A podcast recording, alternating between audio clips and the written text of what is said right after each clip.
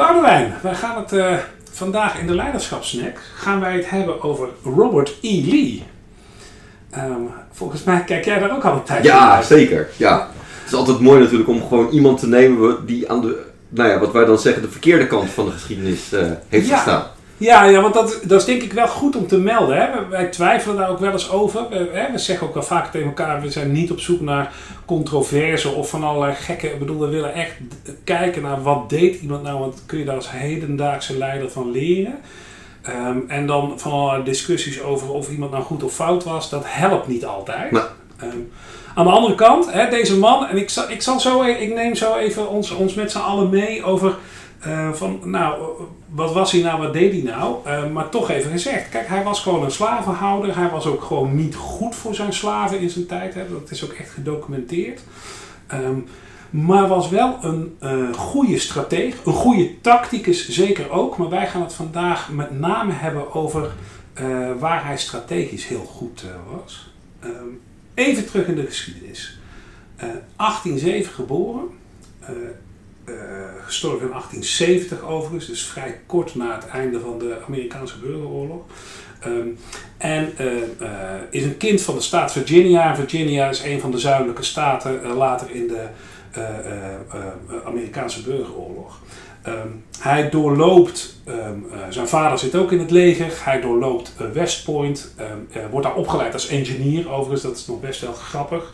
Eh, is vooral bekend met, met kustverdedigingswerk, et cetera. Komt op een gegeven moment in de oorlog in Mexico, hè, de oorlog van de VS met Mexico, en valt daar op bij zijn commandant. En dat is later in het verhaal wel relevant, want niet, of best kort na die oorlog met Mexico gaat het zuiden zich afscheiden.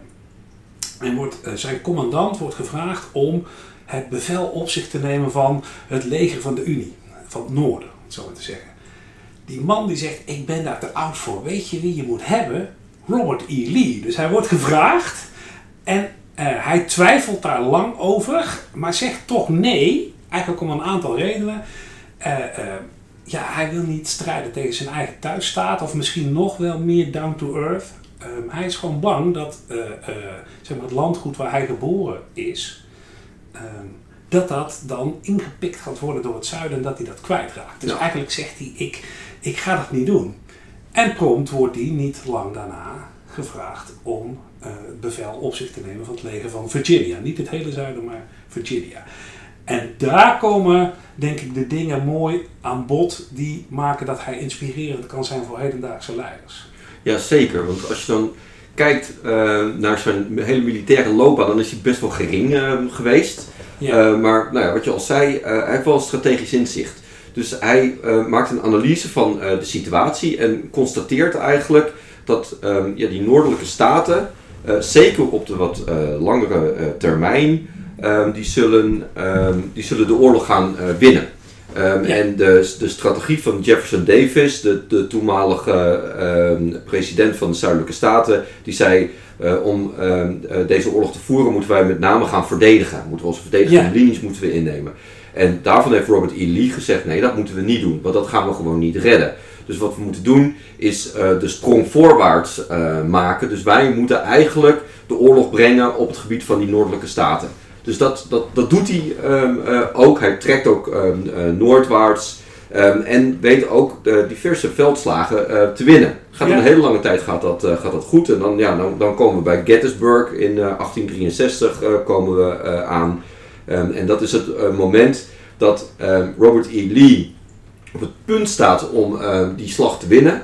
Ehm, en dan maakt hij een, ja, is het een tactische fout of, of nou ja, wat, er zijn in ieder geval er zijn omstandigheden waardoor hij op het laatste moment die slag eh, verliest. En eh, dan is het eigenlijk gedaan met de grote opmars van, eh, van het zuiden. Ehm, Ja. En is dat het keerpunt ook in de strijd van de onafhankelijkheidsoorlog, of de Amerikaanse burgeroorlog. Ja, ja, het is- ja, het is makkelijk door elkaar. Ja, en wat, we zeiden altijd tegen elkaar, dat is best wel eens leuk om zijn grote tegenstander, hè, eh, Grant, Ja. die later ook eh, president wordt, die kunnen misschien daar ook nog eens wel een beet pakken, want die doet ook slimme dingen.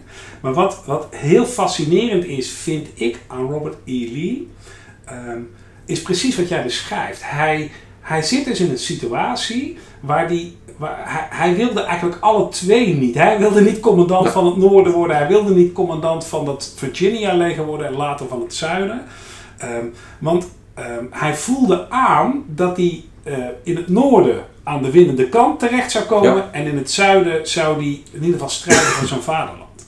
En wat ik zo scherp vind, is dat hij dus zwicht voor de druk van zijn thuisland. En gewoon een genadeloos strakke analyse maakt. Ja. Ziet, wij gaan dit niet winnen als wij niet ja, een, een vernuftige eh, een move maken. Of in ieder geval die vlucht voorwaarts zoals jij dat Ja, en een, kort, en klap, hè. Ik bedoel, Ja. dat was de enige manier in zijn ogen, en ik denk ook een terechte analyse, hoe deze oorlog eventueel gewonnen had kunnen worden. Want uiteindelijk waren de resources van het noorden waren oneindig veel groter dan die van het, eh, van het zuiden. Dus het- Ja. ze hadden het in één klap eigenlijk moeten winnen. Ja, En dat was randje. ja, Het had ja zeker. gespeeld. Nou ja, dat, eh, ja, want in Gettysburg, hè, nog- nogmaals, die zou best nog wel eens interessant kunnen zijn. eh, Dat je niet naar het strategisch, maar naar het tactisch Ja. niveau eens gaat kijken. Hoe je daar ook van, als hedendaagse leider van kunt leren. Dus het klopt. Wat, wat zo pijnlijk is voor hem, is dat de analyse die hij maakt op het moment dat hij commandant wordt van het leger van Virginia. Namelijk, ik moet korte klap, ik moet een oorlog brengen op het gebied van het Ja. noorden. Zodat zij de pijn voelen van de oorlog en wij zo min mogelijk. Dat is een aantal jaar later is dat exact wat die oorlog beslist. Dus zijn analyse klopte. en eh, eh, heeft dus, nou ja, ondanks zijn interventies, hè, wat jij zegt, heeft het bijna gered, is dat niet gelukt. Maar wat ik zo knap vind, hier kun je gewoon als hedendaagse leider soms ook voor komen te staan. Dat je om wat voor reden dan ook, hè, je wordt gevraagd in je bedrijf of ehm, eh, in je organisatie om misschien een afdeling eh, onder je te nemen. Of je wordt misschien wel directeur of eindverantwoordelijke van, van een club waarvan je weet, ja, ehm, ik zou misschien eigenlijk beter op een ander aanbod in kunnen gaan. Maar om bepaalde redenen neem je toch een keuze om het te doen. Ja. En dat je dan je analyse gewoon eigenlijk weer heel. eh, dus je maakt een sentimentele keuze waarna je een hele logische en rationele analyse moet maken. En dan hoop ik alleen wel dat je een betere uitkomst hebt dan Robert. Lee uiteindelijk. Ja, ja want dat, dat is natuurlijk. Ja, want eh, dat is onze conclusie. Zijn analyse klopte wel, maar het resultaat was uiteindelijk nog steeds Ja. eh, niet, niet voldoende. Ehm, en als we dan toch nog naar de geschiedenis kijken, dan denk ik alleen maar mooi. Ik bedoel, eh, ik denk niet dat, eh, ja, het, hè, als dan geschiedenis heb je niet zoveel aan. Maar ja, wat nou als ze wel gewonnen hadden? Ik bedoel, ik ben wel blij dat die slavernij hiermee ook ten einde is gekomen. Maar, Zeker. ja.